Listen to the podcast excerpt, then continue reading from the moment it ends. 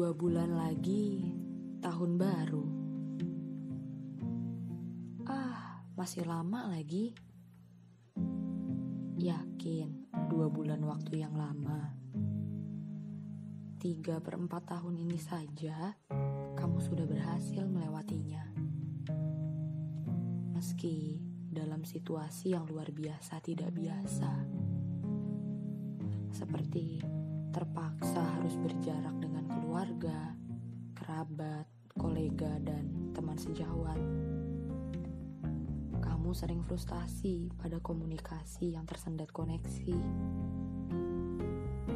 Pupil matamu yang jadi lebih sering memicing pengaruh radiasi. Juga kehadiran tiba-tiba dari balsem atau minyak gosok hangat untuk punggung dan pundakmu yang terlalu lama meliuk, kemudian kaku seperti kawat.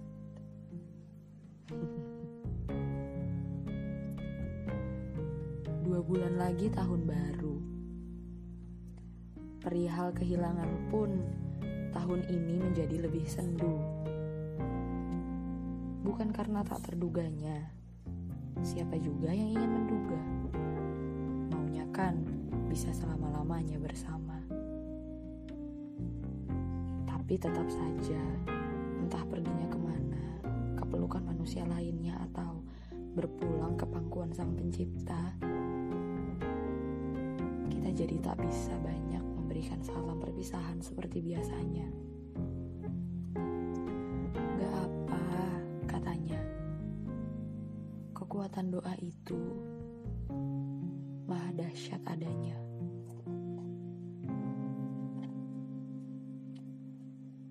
Dua bulan lagi tahun baru.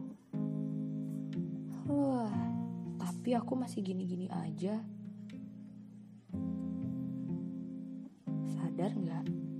Sehatmu yang sekarang ini mahal harganya. Gaji pejabat juga nggak ada apa-apanya.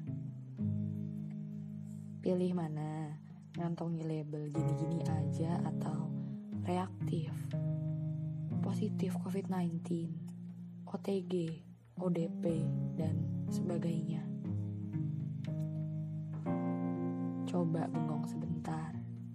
Garis besar hikmah dan rasa syukur gak akan bisa muncul ke permukaan kalau hatimu terlalu sibuk membandingkan.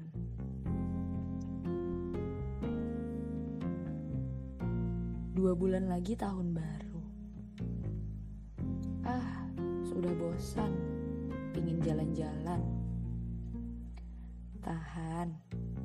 Masih kuat kan? Destinasimu itu gak akan lari-larian kemudian hilang. Kecuali kun fayakun. Wallahu alam.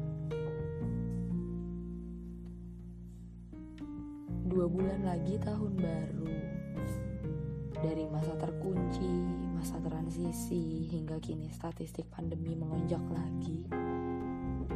Kamu, kita yang konsisten mematuhi, semoga nanti tegarnya sepi berbalas riuh yang seru sesuai definisimu. Namun, meski nanti tahun sudah berganti dan situasi masih tetap begini, sabarmu itu